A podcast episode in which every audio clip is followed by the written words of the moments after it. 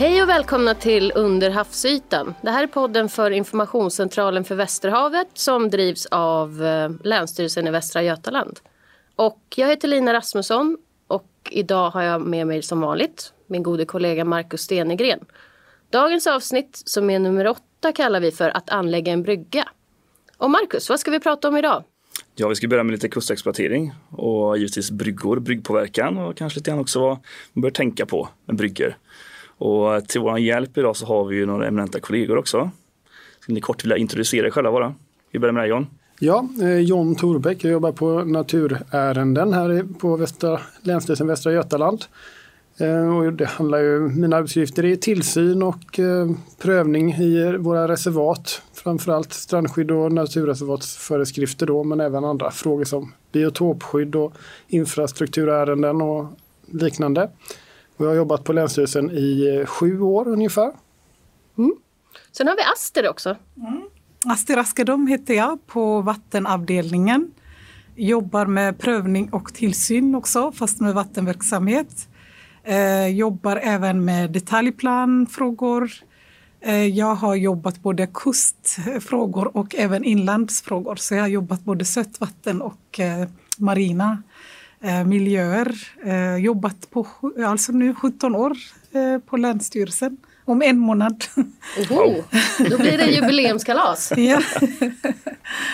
ja, och, och, vi sa ju då att det kommer ju framförallt handla om, om bryggor. Eh, för det är väl det som ett av de eh, ämnena som berör som vi jobbar mycket med men som också berör, berör många här i kustområdena. Men eh, när vi pratar om kustexploatering, Marcus, kan du ge lite exempel på vad exploatering av våra kuster innebär? Ja, det är ju ett ganska brett eh, ord egentligen. Innebörden av det betyder mycket olika för olika människor. Vi satt och pratade om det här inte minst för några vecka sedan när vi hade miljömålsbedömning. Uh, lite grann vad, vad folk associerar med kustexploatering. Vi har ju en syn på det så det är väl trevligt att kunna ha en liten diskussion kring vad det egentligen är. Men när jag tänker kustexploatering så är det ju helt enkelt att man upptar en yta för mänskliga verksamheter. Uh, egentligen, oavsett vilken yta eller vilken verksamhet det är egentligen. Bara det är på kusten uh, och att det har en påverkan på ett eller annat sätt på, på kustbandet och, och den marina miljön. Mm. Sen kan det vara massa olika saker och jag tänker kanske främst då, vi pratar om bryggor givetvis, men även eh, med bostäder och sånt som drar med sig andra påverkanstyper än att bara ha ett, en byggnad vid, vid stranden eller nära stranden. Att det då för med sig läckage av näringsämnen kanske eller miljögifter från vägar och annat. Så det, det ryms ganska mycket där. Så eh, vad, vad tror ni andra om det? Vad, vad betyder kustexploatering för er? Ja, du, det stämmer det du säger. Historiskt har ju varit så att eh, de som hade liksom bostäder närliggande område hade möjlighet att ta vatten, eh, torv, eh, den typen av fiska. Eh, men det har ju ändrats allt eftersom det har kommit en ny generation till kustområdena som gör att resursstarka människor flyttar in. Och då är det mycket rekreation som tar över. Så det är bryggor, det är bad, det är båtaktiviteter så att säga. Så precis som du sa, det är, man upptar en, en yta i vattenområdet per definition. Då som gör att eh, den, det, det blir påverkan på det. Mm. Mm. Mm. Sen kan det också vara, det handlar inte alltid om att man faktiskt upptar någonting kontinuerligt utan det finns ju många småbåtshamnar där stora delen av året ligger det ingen båt där. Det är kanske bara två månader under sommaren. Eh, resten av året är det ju inte något som ligger och skymmer där förutom kanske flytbryggor då. Men, men ytan är i alla fall Eh, tillgänglig för eh, djur och växter. Och eh, samma sak med muddringar. Det är ju någonting som man går in och gör en gång. Eh, det kanske påverkar väldigt mycket just då. Eh, men sen så, så är ju faktiskt det är exploaterat men det är fortfarande möjligt för djur och växter att vara där. Um, och sen så tänker jag också, vi pratar om småbåtshamnar men det kan också vara ganska, exploatering kan också vara större som industriområden in till, uh, vad heter det, in till vattnet så som det är i Göteborg till exempel och Stenungsund och uppe på Tjörn eh, på en del större anläggningar. Så det är ju ett brett spann men vi, oftast har vi att göra med, med bryggor som sagt var, i alla fall i mitt arbete. Ja precis. Mm. Ja, vi har ju en hel del eh, ganska stora hamnar runt mm. omkring här som har de här in, inlöpen då, eh, som på, på ett eller annat sätt är väldigt påverkat givetvis. Och kul också att du tog upp den med säsongsbetoningen för det är säkert någonting jag känner att vi kommer att komma tillbaka till igen här sen. Ja. Men vad, alltså kustexploatering som det ser ut nu då. Vi, det, jag vet inte Lina om du har eh, kikat på den. Det finns ju en rapport. Vi pratar väldigt mycket om den. Fysisk störning. Som då sig till Havs och vattenmyndigheten för något år sedan, 2020. Och det fanns det ju ett mått på eh, lite grann kustexploatering samtidigt som då finns data årligen på det här. Nu, nu dyker jag ner lite grann i, i siffror här, det syns på er, jag skruva på lite Ja, du menar min något nervösa ansiktsuttryck nu eh, att det är någonting som jag kanske borde ha läst och kommit ihåg som jag absolut inte har läst och kommit ihåg just nu. Vart vill du komma min gode vän? Ja, det är precis, vi beskriver siffrorna lite grann bara. Så för, om vi, om vi ser nutiden då, det är ju lätt att få, alltså man ser bara de här små delarna, man har sitt område och, och, um, och även en egen brygga kanske som är en del utav en helhet och det, även där i just kustexperience så är det viktigt att ha den mm. överblicken. Och för att ta en, en ren siffra ifrån den här rapporten då så har man då sammanställt brygglängderna per län och då finns det då en siffra för det här i vårt län. Uh, och den siffran är ungefär uh, 50 mil brygga. Om man lägger alla bryggor på längden utav de känner till mm. så räcker alltså en sträcka från ungefär från Karlstad till Ystad. Mm. Och om man tänker på det i det sammanhanget så är det ju väldigt, väldigt mycket bryggor. Mm. Och det är det som är mycket av det som vi får med oss i vårt jobb. Det är just det att det kan låta futtigt att säga att man inte får lägga en brygga någonstans. För att vad gör de här sju metrarna brygga som just jag vill ha? Men om vi då lägger ihop alla bryggor, precis som det här exemplet du tog nu Marcus, så har vi då 50 mil brygga så förstår man ju hur stor del av kustbandet som då faktiskt påverkas av bryggor. Och den rapporten som du hänvisar till, där, där kan man också se att ja, men det fortsätter hela tiden att ut, det blir fler och fler bryggor och det gäller ju hela landet. Och vi har ju ganska restriktiv inställning till nya bryggor. Det är ingenting som vi tillåter hur som helst. Men ändå så blir det så att ja, men det blir mer och mer meter brygga. Det blir fler bryggor och mera meter brygga. Eh, Länsstyrelsen är ju inte den enda tillståndsmyndigheten i detta. Vi har ju tillsyn och tillstånd när det gäller de statligt skyddade områdena som naturreservat och Natura 2000-områden.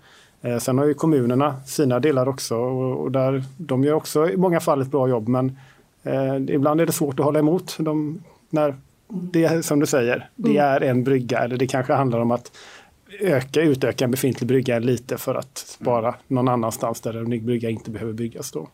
Vi hade faktiskt gjort en studie, vi tog eh, examensarbetare för några år sedan och de fick flyga liksom över några kommuner i norra Bohuslän och sen tog flygbilder. Och sen fem år senare gjorde vi samma sak. Och det var helt skrämmande att se hur utvecklingen ser ut. Och sen gjorde man liksom en prognos, hur skulle det se ut om 30 år? Om det fortsätter i den takten som den har växt på fem år, då skulle det inte finnas någon plats eh, som är ledig. Nej. För eh, det kom väldigt många bryggor, eh, sjöbåtar och andra eh, anläggningar längs kusten. Både med vår kännedom och utan vår kännedom också. Mm. Eh, och sen såg man också det här med till exempel sjöbåtarna förr i tiden var ju mer för risk, fiskredskap och den typen av förvaring. Men man såg liksom att det här för, omvandlats till sommarstugor. Vilket som gör att de är mer inredda och eh, det blir också en annan eh, påverkan på vattenområdet då. Samtidigt som man såg bryggorna blir också längre för att eh, allt eftersom båtarna blir större behöver man liksom längre bryggor då. Mm. Så det finns eh, och sen är ju allt bygger ju på det här traditionella sättet att se att bryggor hör hemma i vattenområdet. Och den traditionen är väldigt svårt att ändra. Mm. Samtidigt vi måste ändra, för det är liksom, vi har våra strandskyddslagstiftning som är unik för världen. Som gör att vem som helst som inte har strandtomt eller möjlighet att komma till vatten kan komma och vistas och bada. Och mm. Den typen av uh, möjlighet för allmänheten, allemansrätten är också en del av det. Eh, men de resursstarka människorna kommer in och eh, hittar luckor i lagstiftningen som gör att eh, de bygger och de privatiserar. Så de här strandskyddslagstiftningen undermineras allt eftersom. Så. Och vi har ju varit inne och nosat på det här lite nu och vi har sagt att det blir mycket brygger och vi har pratat om det som ett problem. Och det kanske inte alla tänker riktigt på varför skulle en brygga vara ett problem mer än hur det ser ut estetiskt i landskapet och så. Men vad, vad är nackdelarna med att, att ha bryggor? Vad, vad gör det för, för något i, i kustområdena? Både ja, biologiskt ja. men också fysiologiskt om man kan säga så. Ja, men, ehm, det är ju framförallt, alltså där som människorna har varit och verkat, det är ju där havet möter land så att säga. Och eh, ofta grunda vikar, grunda havsområden eh, där det är väldigt hög produktivitet för grund av att solljuset når ner till botten. Där kan det växa eh, sjö, ålgräs och andra alger eh, och det är där som även fiskarna och djuren är och eh, har som barnkammare. Och bryggor till exempel som kommer ut, de, de skuggar ju det här och ger en annan förutsättning för, och begränsar. Och även, det handlar inte alltid om att man bara begränsar solljusets in, eh, instrålning utan även eh, vad heter det, vattenströmning in i vikar eh, påverkar väldigt mycket hur, eh, ja, hur viken mår, vilka djur kan leva där och vilka växter finns. Det finns ju ett, eller en utredning som gjorts på ålgräs just längs västkusten. Och eh, där ser man i vissa områden att det är 80 procent av ålgräsvikarna som fanns på 80-talet är ju borta nu i, idag. Och eh, då har det mycket att göra med att man bygger igen sund mellan olika öar till exempel så strömning inte fungerar där längre. Um, och det, det påverkar väldigt mycket på, på djur och växtlivet. Det har ju också blivit så här att eh, när man har, alltså förr i tiden var det inte så mycket värde på bryggor, men nu när ett hus är kopplad, eller ett fastighet är kopplad till brygga, fastighetsvärdet ökar. Så det fanns till och med mäklare som annonserar, eller föreningar som bildas just för att öka värdet på huset. Och, och då blir det ju, du kan ju tänka dig liksom ett eh, tiotals hus, varje hus ska ha eget brygga. Det totala eh, kumulativa effekten på på det här vattensystemet blir ju påtagligt. Både på, för djur och växter. Och som John sa, det är ju de här grundhavsbottnarna som exploateras. För det, det, är där som är lätt att exploatera dem. I och med att det är grundare, de är närmare land. Så det är där mest exploatering sker. Men samtidigt är det också där livet sker. På eh, havs, eh, biologisk diversiteten i barn, barnkammare som han sa Ålgräset till exempel är ju havets regnskog. Och det är där fisken får sina föda och även lägger sina ägg och så vidare och leker. Och, så det är ett väldigt viktigt område samtidigt eh, konkurrensen är väldigt mycket.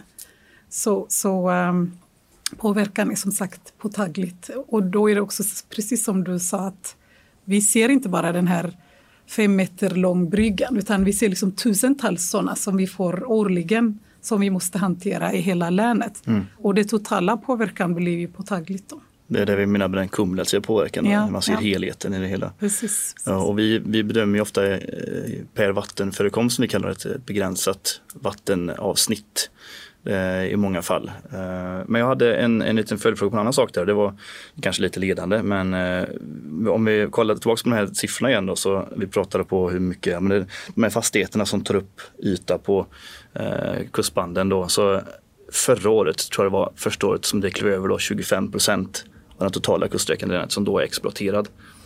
Mm. Eh, och vi har de här, vi har strandskyddet och vi har en, en rigorös kontroll och en bedömning utifrån vattenförekomst men, men ändå ser vi att det ökar som du sa John. Mm. Var, varför är det så? Kan ni se det?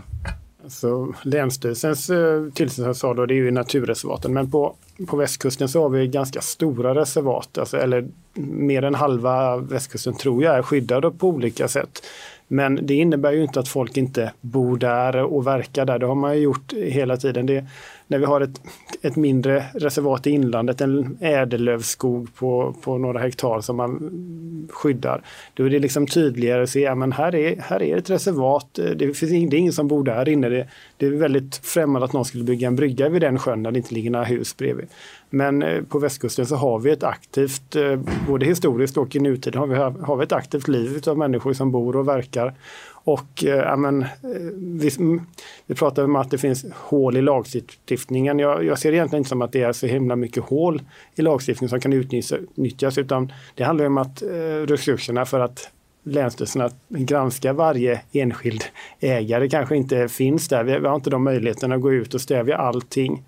Eh, och sen så, vi kan gå tillbaka ända till 75 när strandskyddet infördes när vi bedriver tillsyn. Men då har vi också väldigt många år tillbaka i tiden som vi ska kunna belägga att någonting har gjorts på ett felaktigt sätt innan vi kan ja, kunna få det att försvinna. Så att säga. Och, och, det är en lång process där.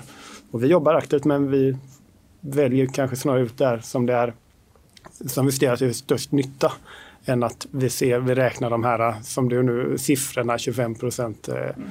eller så. Är det då trycket kanske? Alltså, ja. alltså man, det intresset för att flytta ut till kusten. Det är det där, den ök, ökningen där som ligger till grund för den? Kombinerat med att det anses ju vara väldigt attraktivt att bo nära vattenområdet. Så alla vill komma åt vatten. Mm. Sen när man kommer till vattenområdet då är det givet att det, man ska ha båtplats. Det finns till och med kommuner som lockar invånare, de här befolkningskommuner i länet, invånare genom att visa vi har sjöar så ni kan ha sjötömt eller vattentomt så de får nya invånare. Så det har blivit liksom en trend att ha, eller status att ha liksom vattenområde på sin, på sin fastighet som gör, och sen folk har råd som gör att eh, det ökar. Mm. Mm. Det här med att folk anser att, de, att ja, jag har en hus i vattnet, jag måste kunna ha min båt här också. Mm. Det är ju ingenting som finns i lagstiftningen, Nej. tar inte någon, någon hänsyn till det så att säga, utan där de ställena man som strandskyddslagstiftningen säger att ja, men här kanske det är motiverat att ha en brygga till ett hus. Det är om man bor på en ö utan det finns, där det inte finns fasta förbindelser med broar eller reguljär trafik till exempel. Mm. Ja, men då, då finns det ett undan, en möjlighet att ja, du skulle kunna få en brygga här vid ditt hus så att du kan ta dig fram och tillbaka. Det, det är liksom rimligt. Men då är det också det, ja, men det kanske inte är en 45 fot segelbåt som ska kunna lägga till den här bryggan mm. utan normalt sett klarar man sig med en 6 eh, meters daycruiser för att ta sig in och från land. Så långa sträckor har vi inte här på västkusten. Eh, sen så kan det finnas ja, utsatta lägen där det kanske behövs något annat. Men grundinställningen är ju att eh, bryggan ska vara så stor som ändamålet kräver. Och krävs det inte en brygga så, så är det ingen rättighet att ha. Sen är det ju också det här att eh, det, det, det, går ju inte myndigheter ska utgå från kontrollerande verksamhet utan ursäkta, det här är liksom våran gemensamma intresse som vill bevara och skydda så nästa generation kan få uppleva det. Mm. Då är det ju tillsammans med allmänheten som vi kan skydda och bevara. Så det gäller ju liksom att få fram budskapet till allmänheten att vill vi att strand eh, eller kustområdena blir privatiserat så det är bara de privilegierade som har möjlighet att få. Eller vill vi skydda det tillsammans med de här lagstiftning som tillåter alla kan komma åt och ändå få liksom en välmående eh, kust utan hård exploatering. Så, så det, det, gäller också att få balans eh, som myndighet, liksom att eh, vi måste informera allmänheten så de förstår liksom syftet. Så vi är inte här för att bara som bromskloss utan vi är här för att skydda och bevara. Hur kan vi göra det tillsammans? Mm. Så när de förstår, de flesta är, aha, är många som återkommer och även blir liksom vakt för området. Jag såg att det håller på att byggas där. Har ni fått, eh, har, har ni fått eh, liksom ansökan eller någonting? Mm. Så det är viktigt, även vi kommunicerar med allmänheten, inte bara liksom från det hållet så att säga. Och alla vi som sitter här, vi jobbar ju med olika delar av det här med, med bryggor. Eh, så vilken del jobbar du framförallt med, Aster? Jag jobbar ju med tillståndsförfarandet och även tillsyn. Så mm. när olagliga bryggor byggs, då driver vi tillsyn för rättelse. Men vi ger även eh, tillstånd, eller medgivande. Tillstånd ges av domstolen, Mark och miljödomstolen. Mm. Vi ger medgivande om vi bedömer att varken allmänna eller enskilda intressen skadas till följd av den här anläggningen. Men så fort det finns misstankar att det kan skada allmänna intressen eller enskilda intressen, då skickar vi det till domstolen. Mm. Så det är domstolen som prövar tillståndsärendet. Och det är ju vattenverksamheten ja, du precis, precis. Ja. jobbar med. Och vilken bit jobbar du med John? Eh, det är ju egentligen samma som Astrid säger då, prövning och tillsyn. Men jag jobbar utifrån strandskyddsreglerna istället. Och då är det ju Eh, Aster jobbar ju längs hela kusten eh, medans, parallellt då med kommunerna. Men där det är våra skyddade områden, där går Länsstyrelsen in istället för kommunerna och tar prövningen och tillsynen. Um, så, ja, så det är det helt enkelt. Man får ansöka hos oss om att få, få dispens för en brygga till exempel. Eller vad det är nu. Det är många grejer som, det är inte bara bryggor som regleras av strandskyddslagstiftningen så att säga. Nej, och jag och Marcus vi är ju parhästar i poddandet och informationscentralen men vi jobbar ju också med, med kustexploatering. Och vad är det vi gör egentligen Marcus? Vi sitter ju lite grann som ett expertstöd eh, för de som behöver det. Det handlar om, om frågor kring eh, MKN, alltså miljökvalitetsnormer och hur den, den biten ska tolkas då och eh, användas i det här. Så att, eh, det, den expertisen sitter vi på. Sen kan vi givetvis också i vissa fall då bidra med annat också rent eh, marinekologiskt men det, det är från fall till fall. Mm. Och vad menas med miljökvalitetsnormer? Alltså, för det kanske inte är något begrepp som Nej, vem som helst det, är det, som, det finns i, i miljöbalken och som det är lagstadgade krav på vilken eh, kvalitet som vattnet ska ha helt enkelt. Mm. Kort sagt. Ja, och den ska inte försämras. Det är Nej, det som är vårt uppdrag då, för alla oss då i, i stort sett. Och öka kvaliteten om man, man om den är sämre än, än god. Ja, ja. Precis. Ja. Då pratar vi vattenkvalitet, då pratar vi inte bara att det är för höga utsläppshalter av föroreningar utan vi pratar också fysiska ja, störningar. Precis. Precis. Det har vi varit inne och nosat lite på redan nu. För det är lite grann, du berättade lite grann John vad, vad det innebär. Och, och, och det, allt det där hänger ihop och man, man ser det hos kopplingen med, med de fysiska och även kemiska olika parametrar mm. eh, och hur det då påverkar biologin. Så att den kopplingen finns absolut där. Och sen kan det ju vara olika kaskadeffekter utav det här givetvis. Och jag var inne lite grann på med, med hur bryggor exempelvis kan påverka vågrörelser. Eh, och det i sin tur eh, då påverkar biologin men det är ju även ändrade förhållanden, kanske kemiskt men även fysiskt i form av sedimentation exempelvis. Och det är någonting som, som många bryggägare säkert har sett. Vi har också sett det. Att det kommer ett ärende när man behöver muddra. Mm. För att man då har nästan stängt av en vik med en lång flytbrygga som då gör att sedimentionen ökar på den platsen. Och sen så grundar det upp och så får man helt plötsligt inte in båten längre. Och då måste man muddra. Mm. Uh, och vi kan ju nämna sammanhanget, sammanhanget muddring är en av de mest uh, skadliga i det, det, lokala sammanhanget då för miljön. Mm. Uh, så att de åtgärderna är väldigt problematiska många gånger på många platser. Mm. och riskerar att försämra i väldigt stor mån. Och det, det ser vi också utifrån miljökvalitetsnormerna att det blir ofta problematiskt. Men vi har ju pratat lite grann nu, vi har varit inne och nosat på det med, med tillsyn och så. Och jag vet ju, ja, ni hade ju en tillsynskampanj i somras när ni kikade på det här ute i fält. Ja, precis. Och det är ju inte bara Länsstyrelsen i Västra Götaland som varit med i den här, utan det är en nationell kampanj där flera länsstyrelser, nu har inte alla valt att vara med och alla länsstyrelser har väl inte så mycket kust som vi har så att det kanske är mindre befogat för alla där. Men, men flera länsstyrelser har varit med, jag vet inte exakt hur många nu. Men eh, så vi har varit ute och just tittat på grunda havsvikar. Ehm, och då har, vi, då har vi gjort så att vi har tittat på, på, på skyddade områden då, där vi har tillsynen och eh, kollat upp längs kusten vilka, vilka områden har vi egentligen där vi tycker att tillsynen skulle tillföra, där vi gör någon nytta.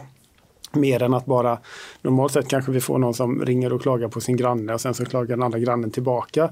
Men det kanske inte är de mest värdefulla ställena. Det kanske inte är så himla bra att vi lägger vår tid på just det när vi nu har begränsat med tid. Vi vill ju tillsyna allt men sådana här projekt gör att vi faktiskt kan, gå, kan välja själva vilka områden som är eh, mest värdefulla. Mm. Um, och då har vi också försökt ta kommuner där vi inte tidigare gjort liknande uh, insatser. Då. Um, men det är ju Naturvårdsverket och, um, ska vi se här, jag har med mig lite papper.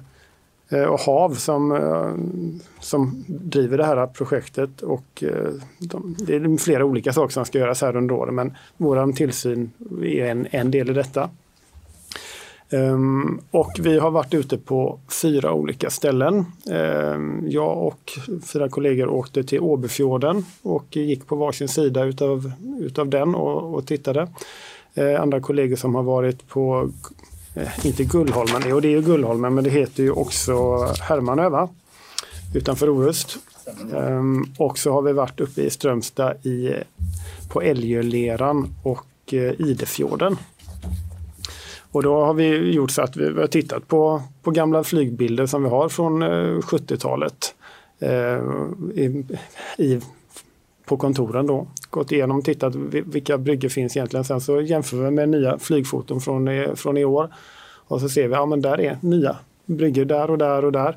Eh, så går vi in och tittar i våra diariesystem, finns det tillstånd för dem eller inte? Och i de fallen vi inte hittar något, ja, men då, då gör vi en ring på kartan och så tog vi en dag när vi åkte ut och tittade på alla de här olika och gick. Och då hann vi med, jag tror vi, vi var väl kanske nio stycken från Länsstyrelsen som åkte runt och vi, hann, vi tittade på hundra olika objekt, eh, brygger och, och lite sjöbodar och annat. Eh, och i hälften av de fallen sen gjorde vi olika tillsynsrapporter. Några saker när vi är ute på, på fält så ser vi ah, att här är det ju eh, som det står i tillståndet att det ska vara. Det kanske var svårt att se från bilden tidigare och i andra fall så, så är det någon som, som väntar på oss och har sitt tillstånd som, som de har fått. Så då, då kan man ju släppa den. Men du säger rapport, då alltså att det var, var då objekt som inte var godkända eller lagliga? Är det som det innebär då? Ja, ja, men det handlar om nya bryggor eller utökade bryggor eller att det är en flytbrygga istället för, att, eh, för en fast brygga. Eh, olika saker. En pålad då? Ja, ja, pålad. Och där är någonting som vi får mycket frågor om och det handlar just det här. Det har vi även, även fått en lyssnarfråga på. Det är då vad gör det för skillnad om man har en pålad eller en flytbrygga? För vi får ju många ansökningar om att byta ut en gammal pålad brygga mot en flytbrygga. Och vad har det för effekter? Vad är, vad är skillnaden? Mm, skillnaden är ju då att den pålade bryggan finns ju året om. Den är liksom pålad och eh, den, eh, den är liksom oftast eh, i höjd så man kan, solen kan gå in eh, på eh, vinklad som gör att beskuggningen är inte totalt. Eh, problemet med pålad brygga är ju då att den kräver mycket underhåll för isen tar upp den ibland så måste man påla varje år. Eh, och vi har märkt att eh, trenden är att fler och fler hamnar går mot flyttbrygga. Eh, flyttbrygga är praktiskt på det viset att man lägger ut den på sommarhalvåret och sen kan man ta upp den, lägger den i höjd. Så behöver inte så mycket underhåll. Men om den lokaliserar på fel sätt, det kan vara väldigt skadligt. För eh, om det är till exempel i grundområde, den skapar sådana pumpeffekt som gör att eh, den pumpar hela tiden. Eh, och sen eh, skapa grumling och det blir också svårt att etablera för, för eh, ekosystemet under. Men däremot det, det kommer vissa fastsittande djur i själva, eh, själva ytan på, på undersidan. Och sen kan det vara så att ibland ramlar de och eh, dö, dör. Och då blir det syrebrist där i botten så det kan skapa liksom en eh, så här svavelsyra som luktar. Och, mm. Eh, så det är, med flyttbrygga är lokaliseringen väldigt viktigt. I för sig även med polarbrygga är vi, vi lägger väldigt mycket vikt på det här lokaliseringsprincipen. För det, man ska inte behöva exploatera mycket mer än där bryggan står för att kunna skydda den också. Mm. Utan man måste tänka före. Vad är bästa sättet att ha bryggan så jag inte behöver eh, det här återkommande muddring som du nämnde mm, mm tidigare. Mm. Snitt är ju 5 till 10 år som man måste muddra om man har fel lokaliserat eh, brygga. Då. Så det är samma med flyttbryggan också. Det är viktigt att man Normalt brukar vi inte liksom tillåta flyttbrygga i grundare än tre meter. Det måste vara liksom djupare än så. Men sen även vad är det för bottenbeskaffenhet är också väldigt viktigt. Om det är sand eller lera, den, den har betydelse. Mm. Så det är det som är skillnaden. Eh, du nämnde förut John, det är åtta veckor snitt, eller sex veckor i snitt som båtlivet är aktiv. Resten av tiden är liksom um, fritt. Men exploateringen är ganska mycket för att man ska bara stå där i sex veckor. Liksom.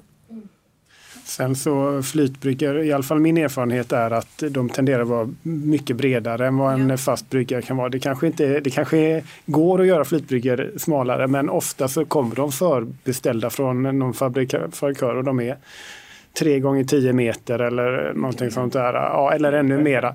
Eh, och då blir det, ja, men, och då blir det mycket mer yta som skuggar botten. Eh, och så ligger de, som du sa, då, alltså de ligger i vattenytan så att det är ingen in, ingen sol som kommer in från sidan då när den, en polabrygga kan vara mycket högre. Um, och sen så det här som du pratade om förut Marcus, att en pålarbrygga har ju så stor volym i, nej vad säger jag, en flytbrygga har ju så stor volym i vattnet så den påverkar strömmar och mm. annat på mycket mer än det bara står ett par pålar då. Det är ganska lätt att titta på en sån brygga och säga, säga att den ligger precis i ytan men en del är ju väldigt djupgående, ja, ner till två meter. meter. Halv meter minst, ja. sen finns det även ja, djupare. Precis. Sen är det ju det här med, för att det är liksom inbyggt att de är också vågbrytare. Mm. Vilket som gör att bredden är mycket, mycket eh, större än Pollardbrygga. Pollardbrygga är oftast en till två meter max. Men flyttbrygga börjar liksom från två meter till upp till tio ibland. Så det är det som är skillnaden. Men om vi tänker då i framtiden, hur, hur skulle vi vilja att det ser ut? Vad, vad, kan folk göra för att ha ett mer hållbart båtliv? Har ni lite olika tips på det. Ordet är fritt. Jag vill bara flika in en liten grej som jag tänkte på. ja. nu har vi liksom gått runt, det var väldigt spännande, inte minst måste jag säga. Men just när vi pratar om framtiden då och Länsstyrelsens roll i det här och våran roll i de här bitarna. Att, eh, att som du sa att, att det är viktigt att liksom Länsstyrelsen inte är egentligen bara en, en stoppkloss, att det är bromskloss som bara dyker upp när det är någonting jobbigt och inte är tillåtet. Utan, och som du nämnde då med, med muddringstiden, att 5-10 år låter kanske mycket men i sammanhanget så är det inte speciellt mycket. Och så det är lite grann besparande på alla fronter. Att man, vi vill undvika de här situationerna där man hamnar i, då, i ett område där man måste muddra var femte år. För inte, inte minst så är det jobbigt och väldigt, väldigt dyrt också. Mm. Så att vi försöker att det finns liksom en, ett eh, gemensamt intresse i att få det här att fungera. Mm. Mm. Det är utgångspunkten tänker jag. Ja. Så framtiden. det, det, vill vi ju nya teknikutveckling ska ta över. För det, det, finns liksom exempel i andra länder där de har byggt båtplatser på land i höjder. Där man stoppar in båten och sen finns det ett system där när man ska liksom ut går man och öppnar och hämtar den. Liksom. Ja. Så det finns ramp i närheten så kör man in genom rampen och och sen är det liksom inte mycket exploatering i vattenområdet då. Men här är ju lite traditionellt sett är liksom att vatten och bryggor hör hemma. Så den tanken, på något sätt måste man ändra här i Sverige. För det är mycket traditioner, det är, liksom, det är speciellt med det här båttradition, båtlivet. Så man kan inte separera den. Men annars har vi försökt i många år liksom att få eldsjälar liksom ta initiativ så de kan börja bygga på de här på land. Det finns i norra Bohuslän några individer som har gjort det men det har inte kommit liksom i, större, i större omfattning så att säga. Men däremot är det också att vi nämnde det är bara sex veckor snitt en båt står i vattenområdet. Och man kanske kan gå ihop. Så istället, i vissa fall liksom fyra medlemmar i familjen, om de, eh, barnen är också vuxna, har ju egna båtar. Fyra båtar i en familj. Liksom. Man kan ju ha kollektiv så man turas om så man har liksom eh, man äger båt tillsammans så det inte blir varje hus har eget eh, brygga eller båt så att säga. Eh, och Länsstyrelsen försöker i många av våra reservat eh, göra, eller se till att det finns båtramper, gamla vet det, linfärjor, stationer som är nedlagda. Där gör man så att i alla fall mindre båtar kan tas i och sättas upp av personer så att inte alla måste ha en egen båtplats. Alla kanske inte har råd för mindre båt heller. Och så, så att försöker göra det mer för, för alla. Mm. Och det har ju Länsstyrelsen gjort också. Inte det är ju mer i vissa naturreservat men som det har satts ut bojar så att man ska kunna förtöja sin båt där om man vill ligga i en vik istället för att kasta ankar. För ankar är ju också en destruktiv metod i kust, mm. kusterna. Så att vi försöker ju här på Länsstyrelsen att göra lite olika ja, eh, mer eller mindre innovativa eh, insatser för att minska påverkan från båtar. Mm. Och det finns många organisationer som jobbar med det också ja, givetvis. Absolut. Enskilda båthamnar och vill även slå, slå ett slag för, för eh, Bohuskustens vattenråd exempelvis. Som nämnde vi det med båtar på land. De har haft ett sånt projekt ute på Öckerö exempelvis. Så det, mm. det, finns goda exempel. Mm. Det, Men den tar inte liksom, eh, jag vet inte varför, den är väldigt trög. Vi har försökt i minst tio år. Mm. Men det här med bojar, eh, det är, egentligen är det förbud i de flesta områden i länet. För du vet de här kättingar som håller eh, ja. bojarna skrappar botten. Eh, och... Ja, det här, nu, nu pratar jag om de som Länsstyrelsen har satt ut som Aha, egna projekt okay. på vissa ja, okay, få ställen okay. bara. så. Ja, Och sen, Då är det ju en annan typ av fästanordning Ja, på precis. de som inte, som inte räknar med att den tyngden på kättingen ska dämpa vågrörelserna utan Mm. då är det annat inbyggt i. Det var det vi inte pratade om flyttbryggorna heller. Det är kättingarna, det är den stora boven. Så. Ja. Det ser ut på er som att det håller på att ta slut här med tiden men jag Ja. läste i mina eh, vet det, papper innan här att ni vill ha lite olika anekdoter. Eh, och då har jag i alla fall en som jag tänkte jag skulle ta här nu då. För att jag, jag har lyssnat på era tidigare program och då pratade ni om marina däggdjur som, som här och det var väldigt intressant. Men jag har en kollega som varit ute, för i somras här så kom det en en havssköldpadda som, som, som dog och flöt runt på västkusten. Eh, och då var det kollegor till mig som var med ute tillsammans med Västkuststiftelsen och åkte ut och letade upp den här eh, sköldpaddan eh, där den låg uppspolad ute i Fjällbacka skärgård var det väl. Och så skulle de helt enkelt såga av huvudet på den här sköldpaddan för att skicka ut till Statens veterinäranstalt, heter det, SVA, för ah, vidare analys. Så att, det är en sån arbetsuppgift som man kan ha på Länsstyrelsen, att åka ut och hugga huvudet utav döda eh, okända, eller okända djur var det ju då, men sen, nu vet vi väl att det var en havssköldpadda. Det är ju världens största sköldpadda som normalt sett inte finns här, vad jag känner till. Och då såg de även lunnefåglar vid det tillfället. Så det var en, eh, Häftigt. En bra utflykt förstod jag det som. den här podden har både halshuggna sköldpaddor och, och, och havhuggna fötter som ligger på stränderna. Det börjar ju bli någon sån här morbid mordpodd som vi inte hade tänkt oss. Men det, Det är det som är populärt nu. Ja, precis. Det är det som går hem hos kidsen. Ehm, ja, som eh, John då påpekade eh, är det så att tiden börjar rinna ut för det här avsnittet. Ja, det är det. Är det någon som känner att de har någonting de absolut bara måste säga? Innan vi rundar av.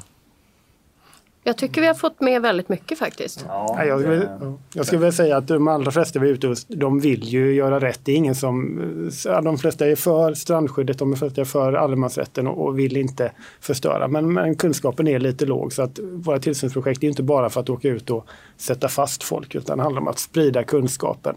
Eh, få folk att veta att vi kommer dit, fundera på vad det man gör, vad får man och vad får man inte. Så att, Ja, det är lite grann därför vi sitter idag bland annat.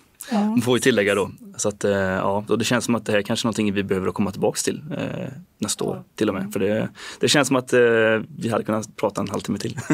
Jag tänkte bara tillägga det här med hur viktigt det är det här med allemansrätten och strandskyddsbestämmelsen. Jag var i helgen i Tyskland och till min förskräckelse såg jag liksom att eh, det var grindar längs det här vattenområdet. Grindar som folk hade liksom låst på sina bryggor, vilket som gör att folk som jag kunde inte komma i vattenområdet. Sånt vill vi inte ha i Sverige. Och för att vi ska inte ha den typen av attityd måste ju alla ta sitt ansvar och skydda sin, eh, sin närliggande område. Så om det kommer något eh, som är olagligt eller de inte känner till får de kontakta oss för vi sitter här på kontoret och kan inte vara ögon överallt utan det, det bygger på allmänhetens deltagande för att vi ska kunna skydda våra gemensamma intressen. Så allmänheten måste också vara liksom engagerad för att skydda sitt, sitt område så att säga. Ja, väldigt kloka ord. Och vi bör ju värna om allemansrätten och rätten till naturen som, som vi faktiskt alla har här i Sverige. Ja, Jo, men det var det. väl en jättebra avslutning. Ja, det skulle jag vilja säga. Sen tänker jag lite så här. Nästa avsnitt, Marcus. Vad gör vi då? Då ska vi prata ålgräs. Ja. Och det kopplar lite grann in i det här faktiskt. Ja. Vi har lyckats att hålla oss ifrån ålgräs ganska bra idag. Ja, jag har ju ändå doktorerat på ålgräs och det har ju varit mitt liv under väldigt många år. Så det kan hända att man har ett annat att prata om. Ja, för jag förväntar mig inget annat. Nej, inte jag heller. Men med det så skulle jag vilja säga tack så hemskt mycket Astrid och John för att ni kom hit. Och eh, ja, vi hörs nästa gång. Det gör vi. Tack själva. tack så mycket.